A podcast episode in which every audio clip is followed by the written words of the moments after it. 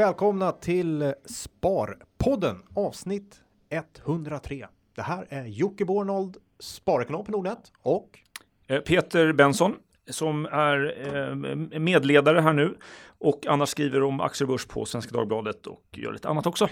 ja, idag har vi en hel del på agendan. Eh, självklart har vi eh, lyssnarfrågor. Jajamän. Kommer alltid finnas med en hel del sådana. Vi har också förstås lite Q3-genomgång. Ja, Har varit Det hör till. många. Har varit väldigt många Q3-rapporter senaste veckan. jag tycker det är viktigt att säga också att det är måndag idag. Ja, det är det. Så- Varför är det där då? Ja, därför det var söndag igår. eh, men det är också för att det är höstlov. Eh, alla skolbarns föräldrars eh, hat och ritvecka. Skulle jag vilja säga. Ja, Ett ganska absolut. värdelöst lov. Eh, många reser bort. Eh, jag gör det till exempel, men vi är här nu idag för att köra en podd som vi lägger ut på onsdag. Så om det vi säger nu låter väldigt korkat beroende på saker som har hänt eh, imorgon tisdag eller igår tisdag när ni lyssnar på det här så är det på grund av det. Ja, så oavsett om bara... Var det någon som förstod det där? Nej. Nej. Nej. Vi så, går vidare. Så redan här så kan vi börja skylla på att det här Ja. är inspelat på måndagen. Ja, men det är måndag. Ehm, Hur var veckan? ja, ganska bra tycker jag. Mm. Eh, ja, men en bra vecka. Ehm, börsen är upp. Det är väl ganska kul. Ja, stark börs. Ja. Eh, Det var roligt. Eh, Själv var jag ute på turné. Just det. Detta ständiga turnerande. Eh, turnerande, turnerande. Turnerande. turnerande. Ja, men det har varit jätteroligt. Det är kul att, att träffa många som lyssnar på Sparpodden där ute. Det är jätteroligt. Bra. Har varit i Linköping och Jönköping. Mm. Så det har varit kul. Några lärdomar? Lärdomar. ehm. Ja, jag har en riktigt eh, rolig faktiskt. Jag hoppas han lyssnar här nu också. Från Linköping universitet. Eh, där vi var och snackade. Och ehm, det kom det fram en kille som hade jobbat som värdetransportvakt. Eh, eh, han och en kompis som åkte runt och körde sin värdetransportbil. Mhm. Typ Loomis då eller Ja, något sånt. G4S Ja, något sånt. Eh, uppe i Norrland. Och eh, jobbade med det ett tag och tyckte att nej, nu, de, de kunde allt om varandra. Eh, så det fanns inget mer att fråga om tror jag. Så de hade börjat lyssna på Sparpodden och hittat eh, ekonomi som ett nytt intresse. Eh, och placeringar och aktier. Eh, De satt ju nära pengarna kan man säga. Ja, verkligen. Och det hade gått så långt så att eh, de tog klivet. De sa upp sig eh, från det här jobbet och börjat plugga båda två. Den ena i Umeå, den andra Linköping och de går på ekonomprogrammet där nu. Eh, jag tyckte det var helt fantastiskt. Jätteroligt. Så eh, om ni lyssnar, vilket jag tror ni gör, lycka till. Kör hårt. Kör hårt, absolut. Kul! Ja. Ska vi köra lite frågor eller? Ja, men ska vi inte prata lite om Securitas? Jag tycker det är kul. Ja, kom i, i helgen men eh, högst oväntad nyhet. Ja, Det var ett tag sedan de köpte något. Så stort förvärv från dem. Eh, vad kan vi säga om det? Eh, nej, men de köper något som heter Diebold, eller Diebold, som är Ja. eh, en, en, en, deras eh, elektroniska eh, säkerhetsbusiness, som är alltså larm för företag. Och jag skulle tippa att det här sitter i närheten av massa eh, bankomater och sånt där. För Diebold är huvudsakligen tror jag bankomater, men också har de även haft lite, la, lite kamera larmövervakning och sånt här. Som de då nu säljer till Securitas. Och så ska de här två bolagen eh, gå i armkrok på något sätt. Och eh, Securitas ska göra det som man själv då tycker är bra på. Eh, bevakning och Diebold kör sina bankomater. Varför gör man det förvärvet då? Tror de att... Eh, Ja, men det, är, det blir en lång, lång och sorglig historia. Eh, Securitas var ju ett brett bolag med liksom både bevakning, eh, alltså fysiska väktare och eh, företagslarm och privatlarm och hela alltet. Sen så fick man för sig att man skulle dela upp det här för ett antal år sedan och knoppade av företagslarmen och privatlarmen. Eh, Och ungefär samtidigt som Securitas insåg att det där var en dålig idé, vi skulle inte knoppat av företagslarmen, då kommer de rackare från USA och köper upp det mitt framför näsan på dem. Och nu står då Securitas med liksom 100 000 väktare och, och väldigt lite liksom modern teknik kopplat till det här. Och då har man insett att det är ju helt fel i en tid av liksom drönare och axiskameror Mm. och eh, biometri, eh, inpasseringskontroller och man kan tänka sig massa saker. Då behöver man nog mer än att bara ha några hundratusen gubbar med vakthundar. Och då har man då börjat köpa på sig sådana här eh, verksamheter för att liksom komma ikapp igen. Och då köper man det här Diebold. bra pris? Du, ehm, tveksamt va? 3 miljarder betalar de och, och eh, det verkar vara en värdering som är klart över Securitas egen. Eh, de säger att det här kommer öka vinsten per aktie, men det är inte så konstigt när räntan är noll. Men ah, det är inte jättedyrt kanske. Men aktien stiger ju så att... Så att Rejält också. Ja, 5 procent. Det är ganska mycket för att vara Securitas. Så de har väl fått Verkligen. godkänt um, Du låter skeptisk. på marknaden. Ja, jag tycker det är lite Köpa trist. eller eh, inte? Ehm, jag tycker det här känns ganska, hela, hela Securitas är ganska dyrt. Det är typ P14-15. De har rätt mycket skulder. Efter det här så kommer de ha 14 miljarder i skuld. Det tar dem kanske 5-10 år att amortera ner det. Det är ganska mycket. Eh, mycket skuld för någonting som har ganska mycket utmaningar. Eh, som sagt, när huvudtillgången är 200 000 väktare med, med vakthund. Japp. Det känns inte jättemodernt tycker jag. Och så massa skulder på det. Och en halv hög värdering. Ah, jag, jag är inte så grinig som jag låter, men, men, men, nästan. Okej, lite spännande tycker jag. Eh, Securitas Det är kul att det händer eh, något, kan man har hängt med ett tag. Det har varit lite tyst kring Securitas. Och att det mottas så positivt tror jag är signalen också att man är aktiv igen. Och Mm. att man köper någonting. Eh, ja, vi får se. Jag... Avvaktande, men Securitas kommer upp på min radar. Jag kommer nog följa upp det lite grann faktiskt Mm, mm. och tycker det är intressant. Så att, eh, ja, kul att det händer saker i alla fall. Det är Sen det, får vi se for om det sure. är bra eller dåligt. Ska vi ta lite, ska jag hoppa in på frågor? Ja, vi gör det.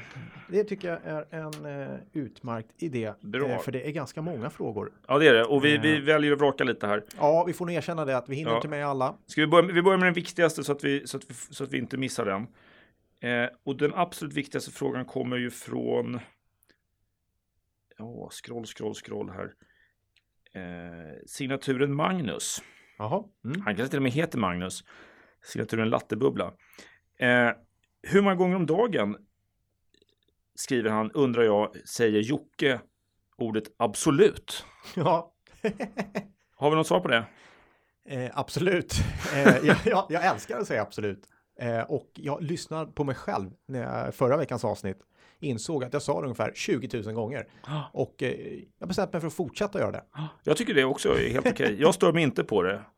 Det Nej. kanske någon annan gör, men Nej, jag bjuder på det. Jag, Ja. jag, eh, vi, vi får se var det landar. Men Mm. det är ett fantastiskt fint ord. Absolut. absolut. Vi går vidare. Eh, här kommer en lite tuffare fråga Jocke. Eh, som du tänkte du får svara på. Vad innebär det att eh, löneväxla till tjänstepension? Och frågan kommer från Lena. Lena, ja, som har ställt den här frågan. Eh, Vad innebär att kort- löneväxla till tjänstepension? Vad är löneväxla? Kort, löneväxla, det är när du byter ut lön mot någonting annat. Okej. Det Men kan är vara tjänstebil.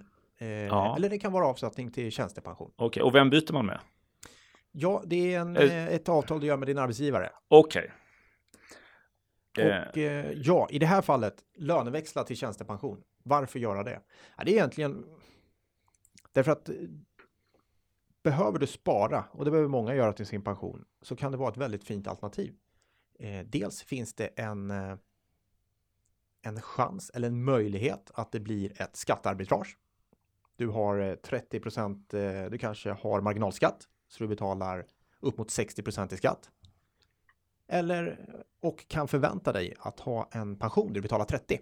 mm. Då kan det vara läge att köra en löneväxling och eh, kanske tjäna på det avdraget. Så, men om man inte betalar 60 i skatt, eh, ska man göra det då också?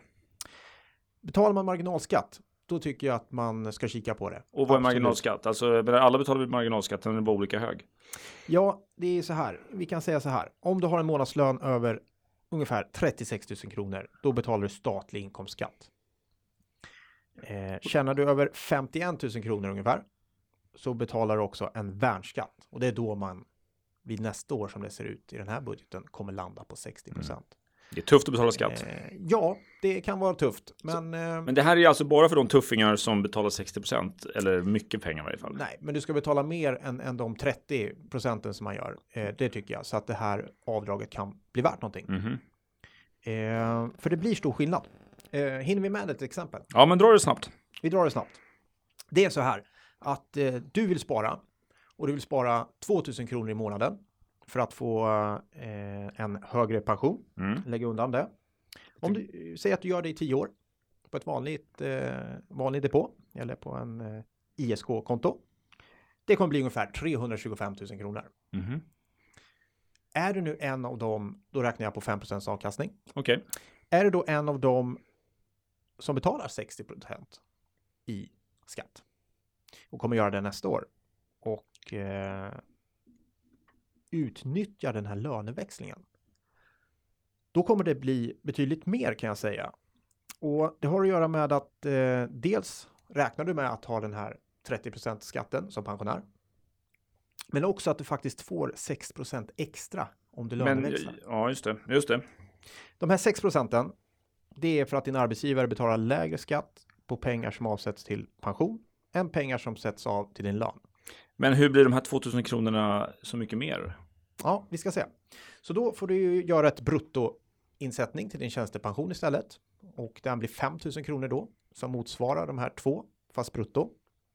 5000 kronor i månaden. Och vem stoppar in de andra 3000? Ja, det är din bruttolön, så det här kommer ju arbetsgivaren betala in till din tjänstepension. Så det är en stor skillnad.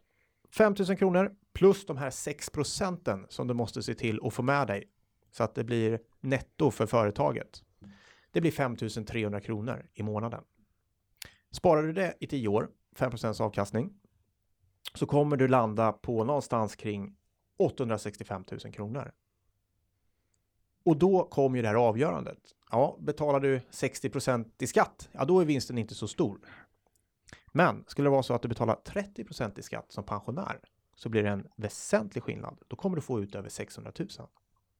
Just det.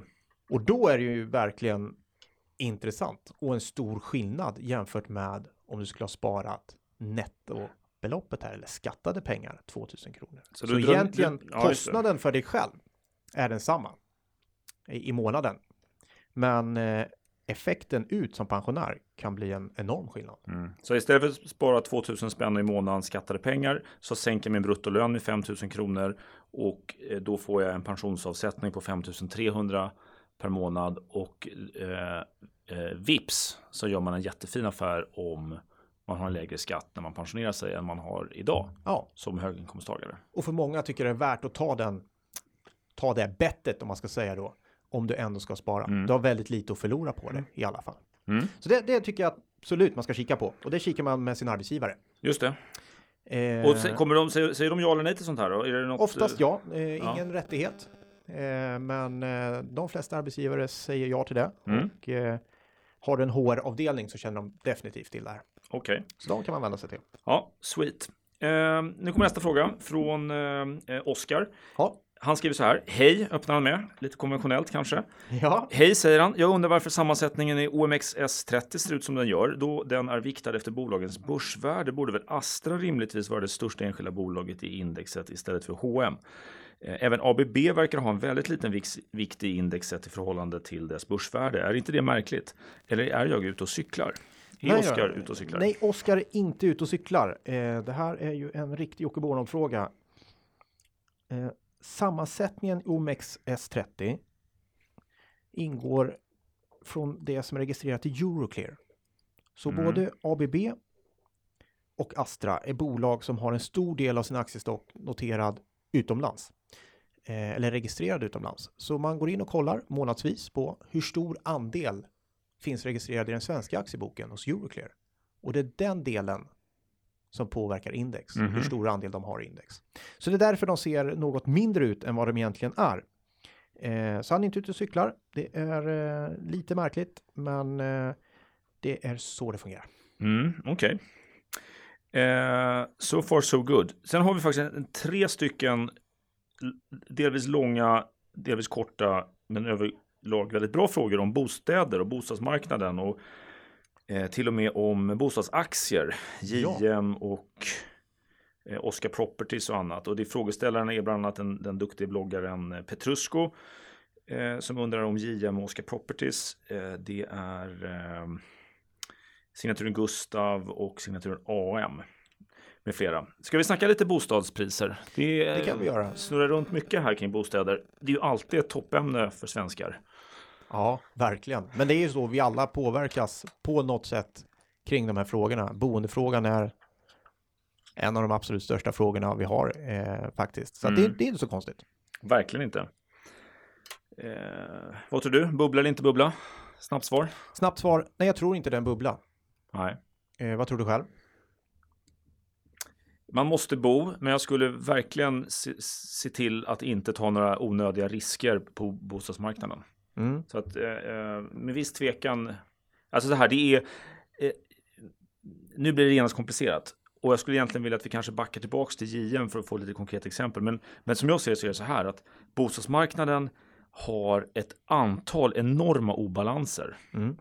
Och summan av de här obalanserna kanske är att vi inte har en bubbla i mm. den bemärkelsen att bostadspriserna kanske till och med kommer fortsätta stiga. Eh,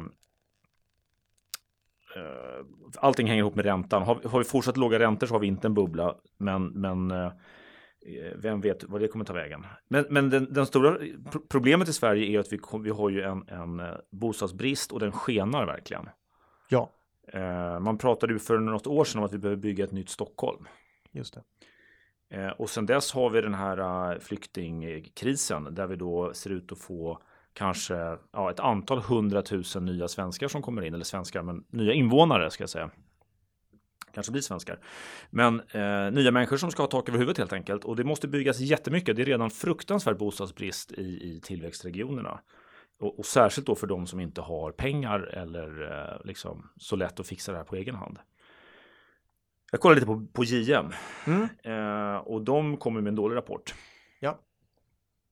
Vilket är ju mycket märkligt i bostadsbristens... Ja. Eh, Eller hur? Det borde ju vara high life. Ja, det borde vara high life. De, eh, de kom in 6-7 sämre än väntat på alla punkter egentligen. Eh, och om de inte kan tjäna, de har, liksom, de har, de har en god lönsamhet och sådär, men, men det här, om de inte kan tjäna jättemycket pengar nu, när ska de göra det då? Mm. Uh, jag, kan, jag, kan tänka, jag, jag skriver upp några små stödord här, men en grej man kan fundera på är det som kommer behöva byggas de närmaste åren, det kanske inte är JMs eh, liksom, eh, övre medelklass bostadsrätter. Utan det är ju mycket mer de här, ska vi ha tält utanför Kristianstad eller ska vi bygga modulhus eller ska det vara sådana här baracker som han, eh, bostadsministern tycker är en toppenidé. Det är en helt annan typ av byggande. Mm. Uh, och vad har JM att tillföra där? Tvärtom kanske är så att vi kommer få en kostnadsinflation när, när byggjobbare och, och underleverantörer och sådär eh, måste tas i anspråk för det här andra byggandet. Då kommer mm. JM hamna i kläm. Men om man kollar JMs rapport så är det ju tydligt att Eh, de vill gärna bygga mer. Ja. Men det finns ingen mark att bygga på. Och eh, det är kanske ett storstadsproblem, jag vet inte, men eh, det verkar vara även i, i de mindre orterna att det är svårt att få loss mark att bygga på. Mm. Eh, och då är det ett politiskt problem. Mm.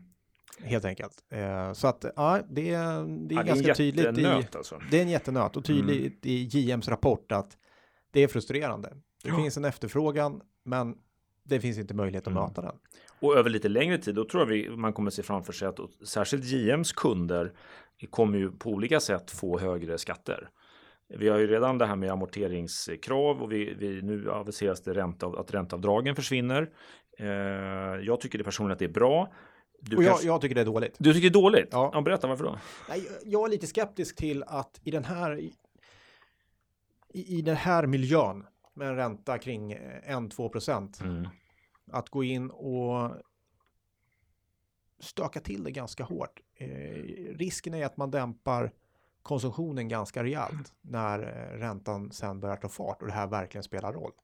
Eh, om räntan går upp en nivå där vi kring 5 ja då kommer ju det här svida ganska rejält. Eh, frågan är ju, vill man att det ska svida då?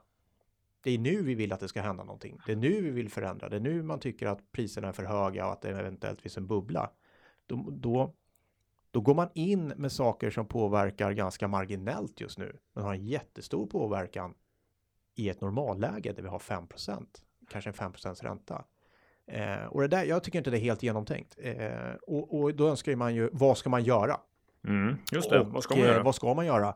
Eh, man måste se till att ta bort regleringar. Det är känsligt kring hyresregleringar och så vidare, men det, det måste få fart på den typen av eh, av marknad. Vi måste se till att, att eh, man inte sitter på sina bostäder för länge utan att det snurrar runt mer. Mm. Eh, det måste byggas mer, helt klart. Eh, och så vidare. Så att jag tycker det finns mycket annat att göra. Jag efterlyser gärna punktinsatser vad man skulle kunna göra här och nu. Och jag vet inte vad det skulle kunna vara, men någonting som har en stor påverkan här och nu. Eh, för det är nu man vill vara med och påverka. Mm. Men jag mm. vet att du är för.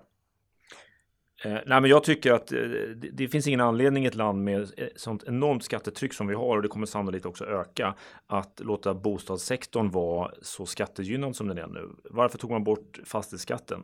Det var komplett hål i huvudet Eh, i ett land där vi ändå tar ut fruktansvärt mycket skatt. Att inte då beskatta bostäder som eller fastighetsskatt då på, på bostäder som är den bästa liksom skattebasen som man pratar om i nationalekonomin eh, det är jättekonstigt. Istället så straffbeskattar vi arbete och välståndsskapande. Så jag tycker man borde eh, eh, bort med ränteavdragen, eh, återinför fastighetsskatten, sätt den jäkligt högt, högre än tidigare. Sen kan man göra allt det här över tio år så att det är liksom väldigt utsmetat så att folk hinner anpassa sin eh, eh mun efter matsäck så att säga. Men, men vad vi, ja, och jag tror i olika former så kommer det här komma. Det kanske blir så att gamla fastigheter får en fastighetsskatt och nya kommer vara befriade för att stimulera nybyggande. Men återigen, blir det JM som får dra vinstlotten eller kommer de bara få dras med en kostnadsinflation när det istället ska byggas Kaplan eh, eh, baracker? Just det. Det är ganska otäcka ja. saker egentligen tycker jag. Uh, för för det, det, det finns tyvärr inte så mycket tecken på att, att de här obalanserna håller på att rättas till på ett bra sätt. Nej. Uh, sen så var det någon fråga här om Oscar Properties så, och, och sådana här andra bostadsutvecklare och de är ju mycket mer i ett lyxsegment. Just alltså Oscar Properties bygger sådana här äh, väldigt exklusiva bostadsrätter. Och där kanske är en lite annan grej. Det kanske inte handlar så mycket om disponibel inkomst utan mer om, om förmögenhet och det är lite stabilare kan man säga än, ja. än äh, jag tror inte de bryr sig så mycket om räntenivån, kort sagt. Nej. Men om man nu är, jag tror de flesta, de undrar ju hur, vad ska jag göra? Jag med mitt boende eller om jag behöver köpa ett boende. Eh, och ingen av oss är väl egentligen någon bostadsekonomiexpert. Men eh, man kan konstatera att priserna har gått upp väldigt kraftigt. Du behöver ha en marginal. Du behöver kunna övervintra så att säga en eventuell nedgång. Det ska man nog vara beredd på. Eh, och vara beredd på att räntan ska gå upp. Eh, räkna inte med att det är ett marginal eller att det här är ett ny, the new normal. Kan vara det, men räkna inte med det. Se till att även ha marginal där. Eh, det är det råd man kan ge. Mm. Jag tror ingen vet om det här kommer spricka eller om det kommer bli pyspunka eller fortsätta uppåt. Oerhört svårt att veta. Men det är inte ett läge att liksom dubbla upp i bostadsmarknaden. Det är lite intressant om man läser i tidningen om, om sådana här spekulanter som eh, bokar eh, eh, planerade bostadsrätter från JM eller Skanska eller så och, och, och, spekulerar i att det finns pengar att tjäna här på att liksom. Ja, just det. Eh, jag har själv inte märkt det där så mycket. Har du sett någonting sånt på riktigt? Nej, jag har aldrig gjort det faktiskt. Eh, och ska jag vara helt ärlig, det är inga i min bekantskapskrets som äger två, tre lägenheter på spekulation och så vidare som man hade i Köpenhamn innan, innan deras mm. bubbla brast. Så att jag ser inte riktigt de här spekulationssignalerna som brukar finnas i en bubbla. Ser heller kanske inte riktigt vad som ska få bubblan att spricka. Det brukar vara en hög arbetslöshet till exempel eller bostäder mm. som gör att man helt enkelt inte har råd. Eh, så att eh, nej, jag tror på pyspunka. Mm. Och eh, med det sagt så går vi över till lite Q3-rapporter. Tycker jag. Mm. Ja, jag har ett lite medskick här med, med ja. JM och bostäder faktiskt när jag tänker efter. Och, och jag, ty jag, tycker så här att, att om man äger sitt boende eh, då finns det ingen anledning att hålla på att trassla runt ett bolag som JM. För då har man redan en hygglig exponering mot bostadsmarknaden. Mm. Eh, Okej, okay, äger man en etta och siktar på att köpa en, en sjurummare, då, då kan man ju ha lite JM som så att säga hedge mot det. Men om man har ett boende som, man är, som är ganska lagom för en, eh, då behöver man inte ha ytterligare bostadsrisk genom att köpa JM. Däremot ja. om man hyr och funderar på att köpa, då kan man köpa lite JM-aktier under tiden. Mm. För då har man, är man så att säga med på resan vare sig bostadsmarknaden viker ner eller om den fortsätter upp så, så hänger man med där via JM och, och eh, eh, hedgar då så att säga sin egen bostadskonsumtion lite grann. Yes. Var det därför komplicerat? Nej, snyggt. Bra. Tack för det. Yes. Ja, vi går vidare. Då är det dags för att prata lite Q3-rapporter. Och det var det mass. Det var hur många Q3-rapporter som helst förra veckan. Ja, men precis. Det är väl några få kvar nu, va? Eh, Alfa Laval och Hexagon och SCA. SCA, lite sånt där. Men det mesta är klart. Yes, kom 30 stycken på fredagen. Jag tror det var någon slags rekord. Eh, har du någon allmän, eh, någon allmän känsla sådär? Eh, du, eh, det var väl en ganska mixad påse. Eh, dåligt från bankerna och generellt ganska dåligt eh, överlag. Men, men börsen har ju ändå stigit så att det var väl så kallat inprisat då som det brukar heta. Mm. Du då? Nej, jag har den känslan också och det, det fanns väl två farhågor som många stirrade, tittade på. Det är ju dels Kina. Mm. Hur går det i Kina? Man, vill Mm. ha, man litar inte på den kinesiska statistiken så man vill, vill se vad våra bolag säger om det. Mm. Eh, och USA. Mm. Hur går det i USA? Och eh, man kan konstatera att det är eh, lite sådär på båda marknaderna. Det är vissa delar i Kina ser väldigt tufft ut. Ehm, Hur, hur är det i USA egentligen? Kina känns ju ganska jämnsvart tycker jag, men USA har inte riktigt fattat. nej, USA är mer blandad. Man kan konstatera kanske att verkligen Kina och USA så går konsumtionen ganska bra. Konsumtionen Mm. framförallt i USA går väldigt bra.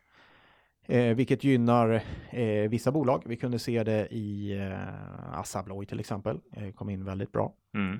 Eh, Electrolux kom in väldigt bra, eh, måste man säga. Eh, med en bra aktivitet i USA. Mm. Däremot ser det ju becksvart ut på investeringar. Och det gör det i Kina också. Och det är ju tungt för industribolagen. Man kan se ett eh, rejält tapp för Volvo till exempel, 40 procent i Nordamerika eh, för lastvagnar. Ehm, och det ser man också på, på SKF, enorm eh, försäljningsnedgång, eh, över 10 procent tror jag i Nordamerika. Ehm, och framförallt är det ju dragloket eh, sedan tidigare med råvaruindustrin i USA Mm. som har varit en stor beställare som eh, nu tappar Mm. rejält. Så att eh, lite blandade siffror eh, och jag tror att eh, många hade förväntat sig mycket sämre. Så ibland inget svar, eh, ett svar det också. Mm. Eh, det är varken positivt eller negativt, men man tjänar fortfarande bra med pengar överlag. Det kom ganska, man, vinsterna fortsatt bra, orderingångarna sådär. Mm.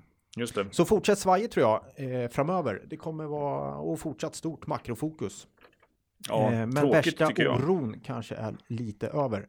Eh, ja, lite tråkigt. Fanns det något som du tyckte eh, stack ut? Har du kollat på något speciellt bolag som du tyckte var mest, mer intressant än något annat? Nej, jag vet inte. Jag tyckte det var lite intressant att bankerna efter, efter massvis med kvartal då man levererar jättefina vinster helt plötsligt fick problem med räntenettot.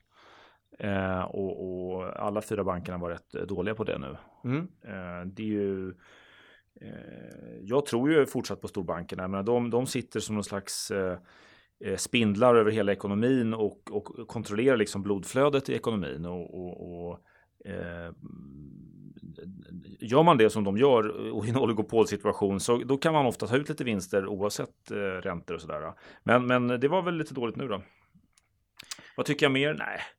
Det, alltså, eh, jag såg någon sammanställning här. Det är ju ganska anmärkningsvärt att eh, omsättningen, alltså eh, försäljningen har ju liksom bromsat in fruktansvärt i börsbolagen. Mm. Eh, från rätt bra vinstökningstakt och försäljningsökningstakt till nu nästan ingenting.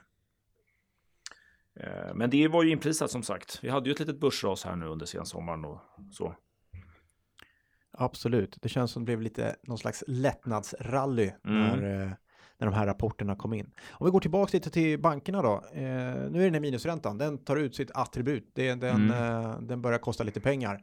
Eh, vad tror du om, om, om, om banksektorn? Kommer de fortsätta att ta stryk eller eh, historiskt sett har ju bankerna varit duktiga på att kompensera sig eh, på andra sätt.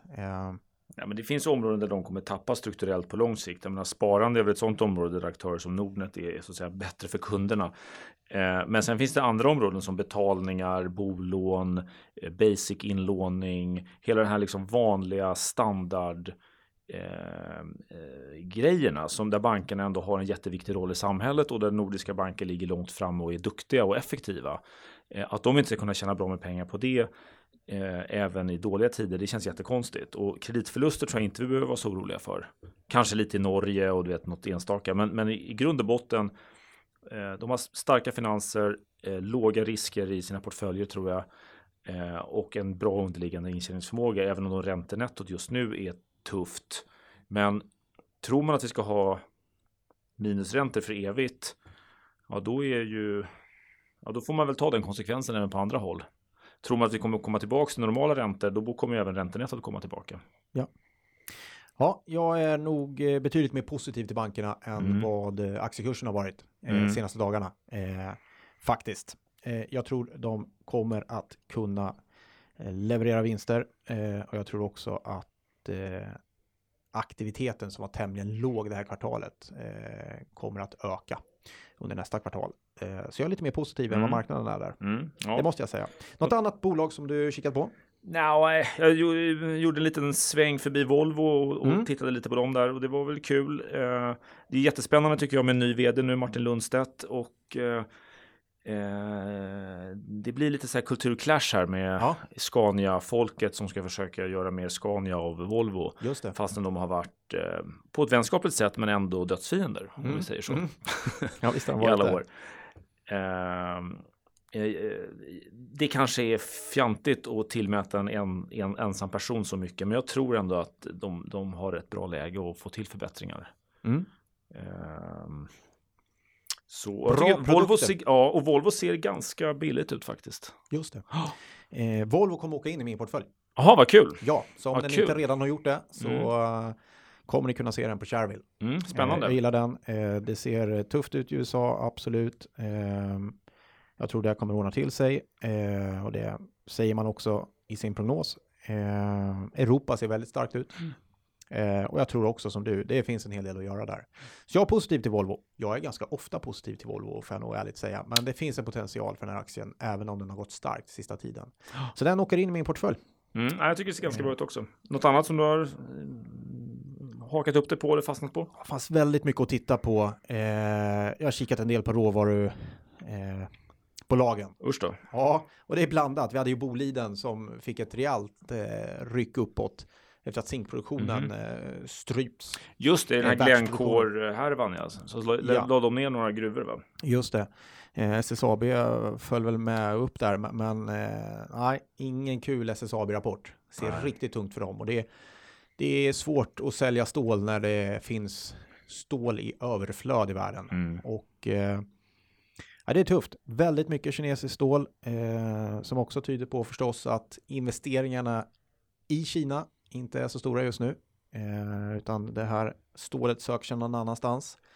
Ehm, mm, Mycket att göra med eh, SSAB och Rautaruka som Mm. de köpte. Just det. Ehm, frågan är Ja, det hur ska det gå för dem? Ja. Eh, en väldigt volatil aktie. SSAB går väldigt volatilt Mm. och har alltid varit sån. Så att, ehm, och skuldsatt också. hårt skuldsatt. gör det ju inte mindre volatilt. tror att många just nu funderar på kan det bli dags för en, kommer det kunna gå så långt så att det blir emission? Trycker ner Mm. aktiekursen. Ehm, Det var ju bombsäkra på att det inte skulle bli så. Ja. Vad tror du? Bombsäker ska jag inte det ska säga, man men aldrig, de påstod var- att det inte skulle bli i alla fall. absolut. Nej, det ska man ju aldrig vara säker på. Och, eh, att det påverkar kursen, det kan vi vara garantera. Så att det eh, ser väldigt tufft ut för hela stålbranschen. Eh, och att... Det är ju tillbaks på det här temat med investeringsvaror. Att, att det verkar som att eh, det är färdigbyggt på många håll. Vi behöver inte så mycket mer fysiska grejer och broar och vägar och sånt där. Utan nu kanske det är annat som till exempel då Kina satsar på. Just det, det kan vara så. Vi får se. Eh, SSAB åker också in i min... Eh, Det gör den? Min, nej, den åker inte in i portföljen, men den åker in i ett bolag som jag kikar på. Mhm. Så den eh, tillsammans med Securitas kommer jag titta lite närmare på ändå. Det är Okej. intressant med bolag under stress. Mm, mm. SSAB är under rejäl stress just nu. Eh, tyvärr är det st- eh, inte så roligt när man funderar på politiska åtgärder för att öka en aktiekurs, men, men det kan ju bli aktuellt med skyddstullar. För, Eh, från EUs sida? Från EUs sida. Ja. Eh, helt klart, för att skydda eh, produktion, inhemsk Eh, såg också att det börjar dras ner stålproduktionen. Så att I Europa? i Europa. Eh, därför att det helt enkelt inte lönar sig. Så att ett jätteintressant case att följa. Så vi får väl följa upp det helt enkelt. Får vi se om jag vågar kliva in där. Ja, jag säger lycka till Jocke. Ja, tack så mycket. Jag hänger mer hellre med på din Volvo-investering än på din SSAB-investering kan jag säga. Men Ja. vi får väl se. Jajamän. Hörru, nu tycker jag att tiden har gått rätt långt här. Ehm, ska vi runda av? Ja, men det gör vi. Vad ska du göra i veckan? Eh, nu i veckan så eh, kommer jag ta det lite lugnt. Eh, ni får hitta mig på Twitter. Eh, och så ska jag ladda för nästa vecka då jag ska ut på turné igen. Mhm, där ser man. Och du får en riktigt bra semester då. Ja, jag ska sitta på en bergssida i Frankrike och, och ehm, titta ut i solskenet hoppas jag och inte något duggregn. Vi får väl se. Ja, vet du vad? Vi har en grej till. Vi är nominerade till ett pris också.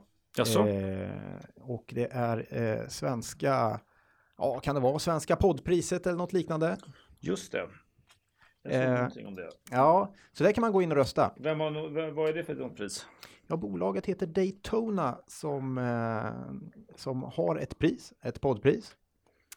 Eh, och eh, där är vi nominerade i kategorin nyheter och ekonomi tror jag att det var. Mhm. Så eh, kika på det, svenska podcastpriset och rösta på oss framförallt. Ja, men kul. Ska vi runda av här eller ska vi säga några taskiga ord om, om en konkurrent? Ja, det gör vi. Jag tycker vi gör det. Jag tänkte på, när, du, ja, när, du, när du tar upp det här med podcastpriset så, Ja. så drar jag mig till minnes att Börspodden, som är i och för sig en väldigt bra podd tycker jag, och, och vår kanske då konkurrent, eh, de snackade om det här priset också i sitt senaste avsnitt tror jag. Okej. Eh, Ja, de är också nominerade. Ja, de är också Sven- nominerade. Samma kategori. Ja, ett- Svenska ett- podcastpriset 2015. tuff konkurrent. Men eh, jag, jag fastnade lite för, de tog nämligen också upp eh, den här Muddy Waters, eh, såg, alltså den här hedgefonden som sågade Telia, Ja, som vi snackade om förra avsnittet. Mm. Eh, och där tycker jag faktiskt att Börspodden var ovanligt oinitierade. Eh, och jag vill försvara Muddy Waters lite. Ja, det är nog den enda som vill försvara Muddy Waters. Ja, men, Men varsågod, kör. Du är på den sidan. Du är blankare i Telia, eller? Eh, nej, nej, verkligen inte. Eh, nej, det vore idiotiskt. Nej, men så här, eh, Börspodden-grabbarna då, de, de pratar om att det här med att förstå Telia och, och blankningar och sånt där, det är verkligen deras gebit.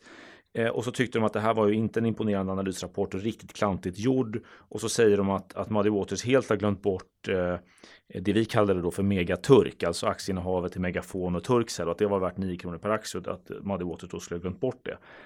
Eh, det känns väl inte riktigt rätt va? Tittar man på, på en av de sista sidorna där så är det väldigt tydligt att de har tagit hänsyn till de här eh, aktieinnehaven och att de är värda 41 miljarder eller vad det var. Eh, det, är lite så här slarvig sågning av det här Muddy Waters. Jag tycker, jag tycker inte att det här var liksom världens viktigaste nya eh, in, insikter som de kom fram till.